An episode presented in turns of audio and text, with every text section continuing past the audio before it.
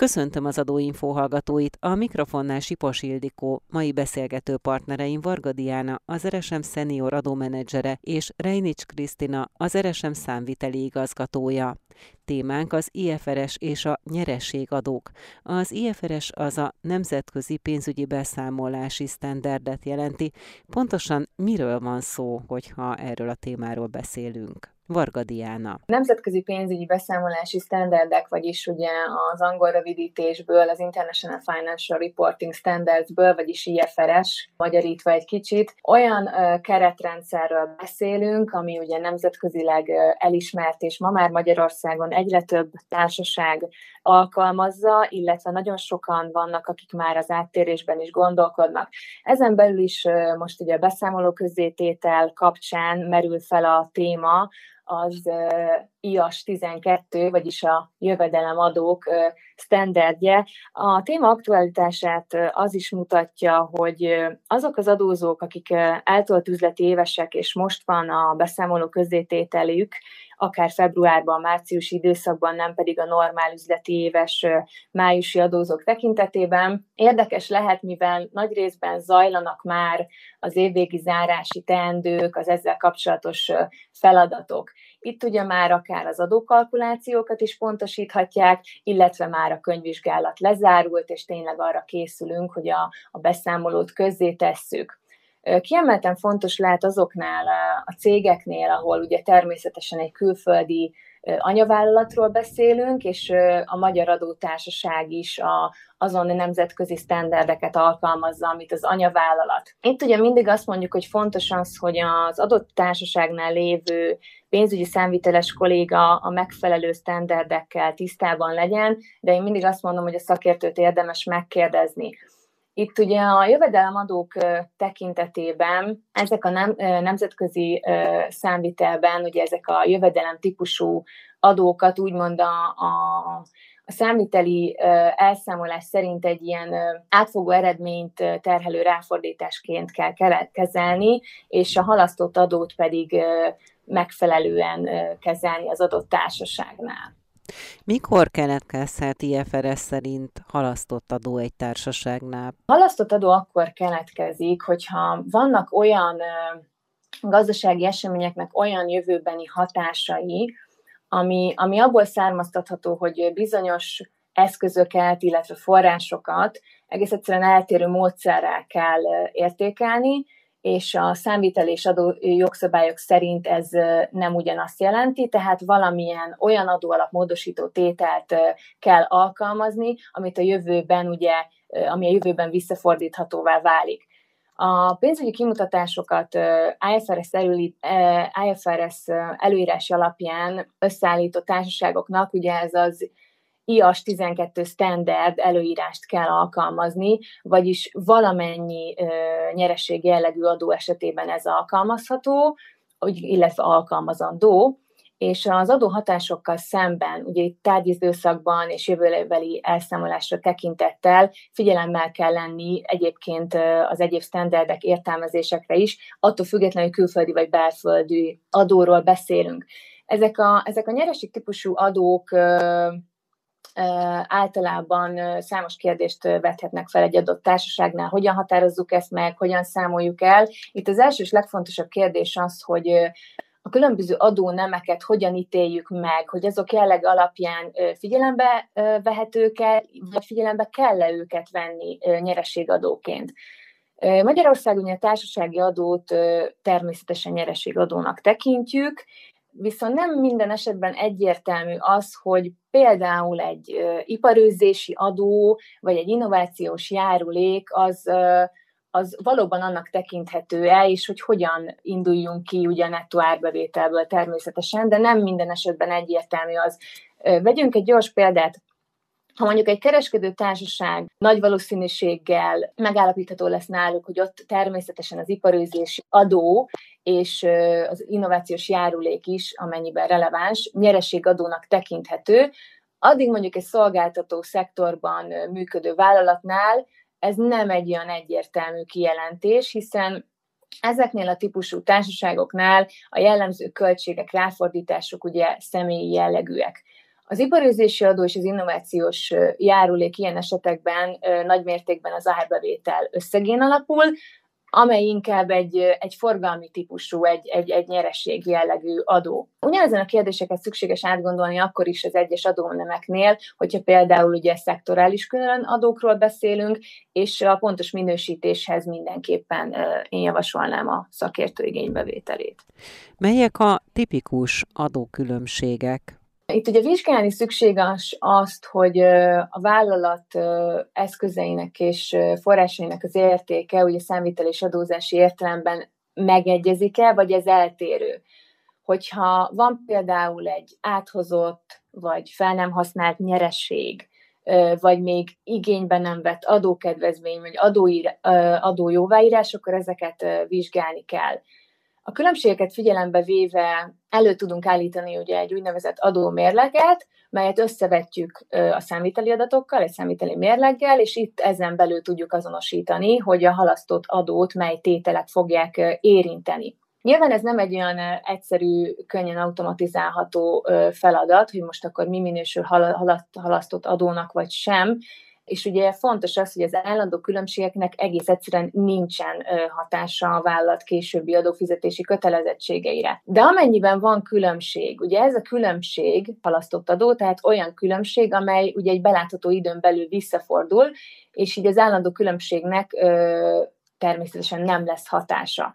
De mi van akkor, amikor valóban a halasztott adót ki kell ugye számítanunk, akkor vannak ilyen tipikus átmeneti különbségek. Ezek jellemzően olyan gazdasági eseményeknél jönnek fel, mint például ugye tárgyi eszköz, legegyszerűbb, értékcsökkenés, az eltérő leírási kulcsoknak az alkalmazása, a maradványérték, az esetleges fejlesztési tartalék vagy átértékelések.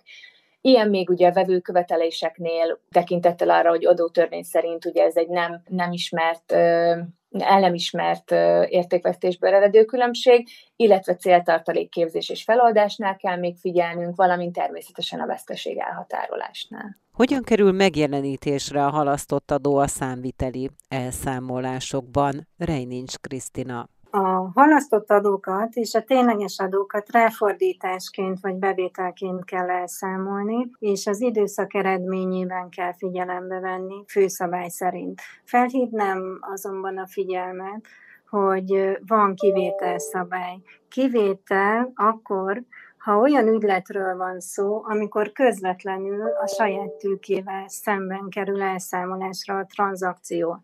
A saját tőkével szemben akár valós értékelés során, vagy számviteli politikai változ, változtatás során is könyvelhetünk, de az IFRS első alkalmazásakor is ide fogjuk felvenni a nyitó különbségeket.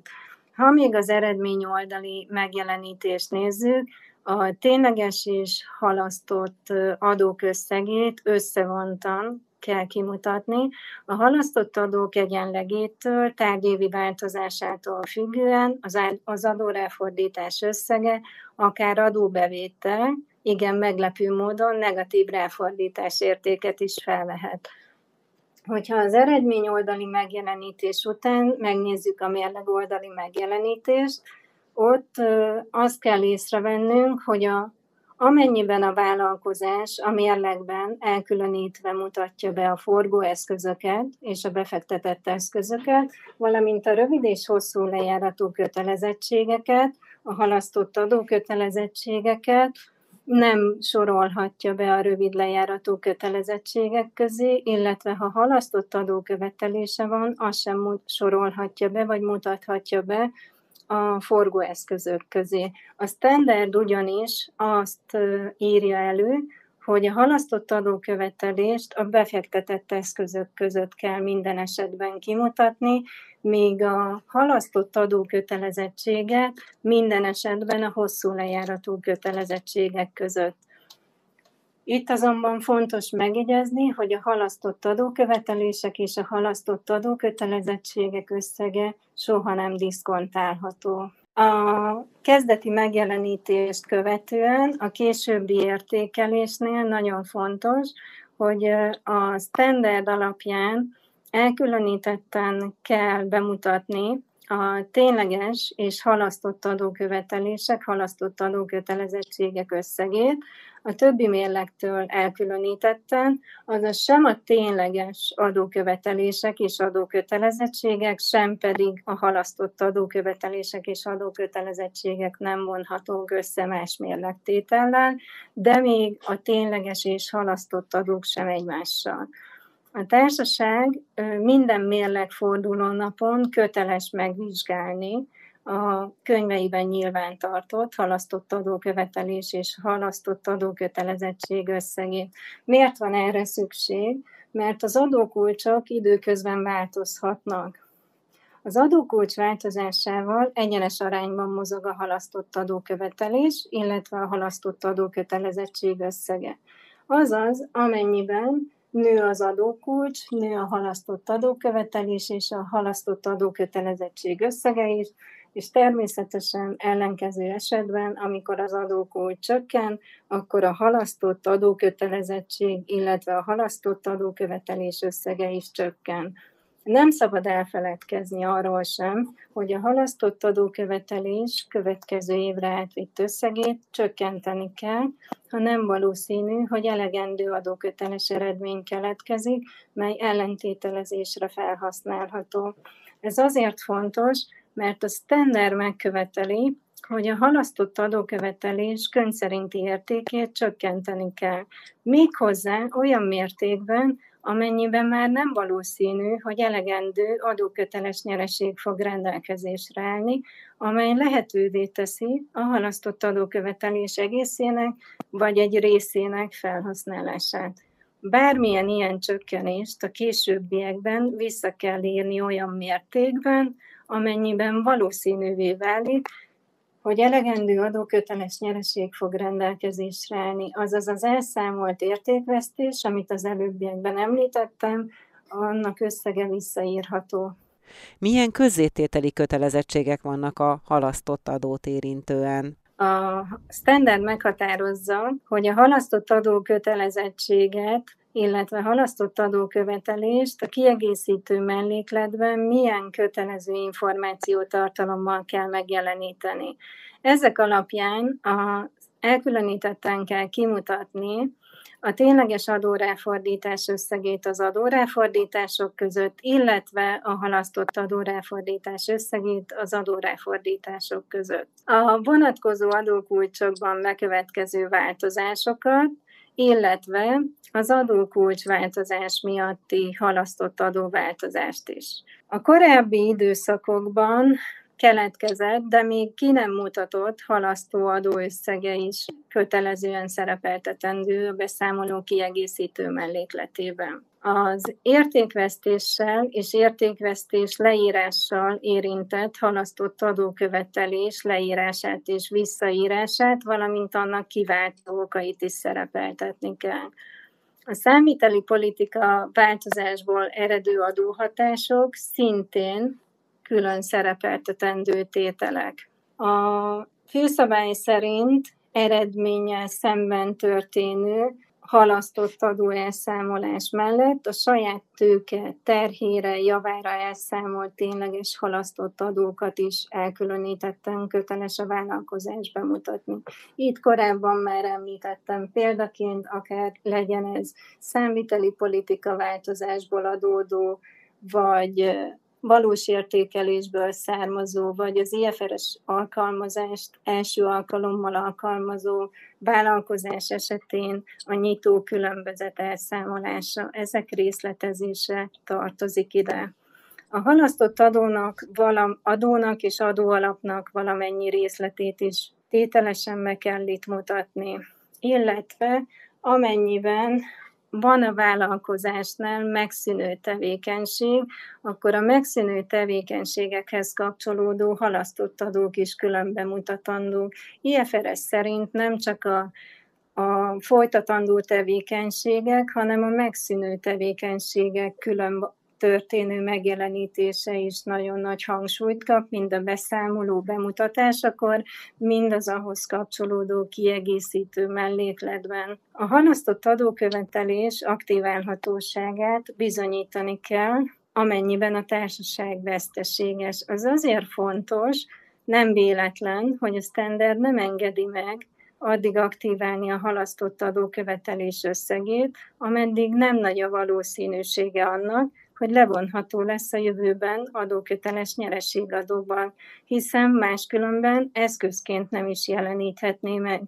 Ugyanis IFRS standardek szerint az eszközöknek van egy aktiválási kritériuma, ami nem más, mint a jövőbeni gazdasági haszon származzon belőle, illetve az értéke megbízhatóan mérhető legyen.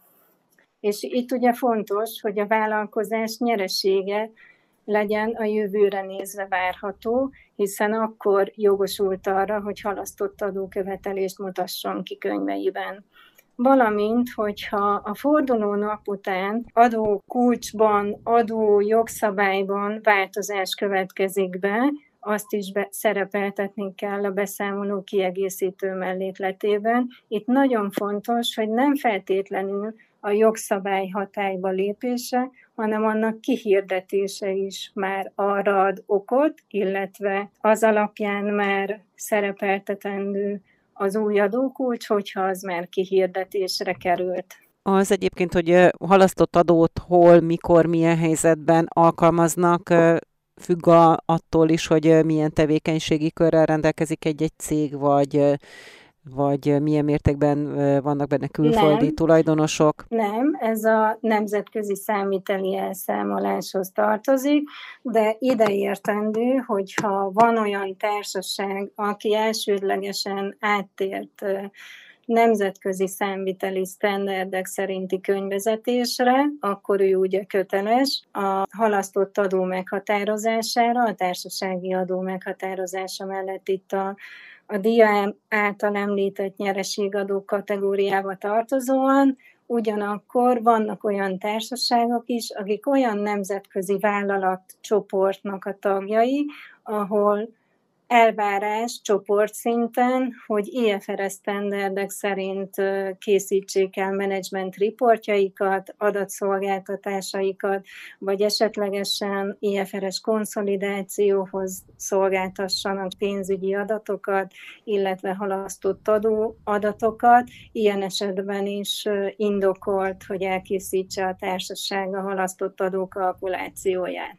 Az, hogy IFRS szerint könyvel egy cég, ez mitől mitől függ alapvetően? IFRS szerinti könyvezetésre kötelezett valamennyi az értéktősdén jegyzett magyar társaság, ugyanakkor emellett választhatja az IFRS szerinti könyvezetést olyan társaság, akinek a az anyavállalata konszolidált szinten IFRS beszámolót készít, ez esetben a magyar leányvállalat is dönthet úgy, hogy IFRS szerint vezeti könyveit, ha jelenleg számviteli törvény szerint vezeti, akkor ez természetesen egy IFRS áttérést eredményez, vagy feltételez, amelyet el kell végeznie illetve vannak még a biztosító társaságok, egyéb kitételek is szerepelnek a jogszabályban.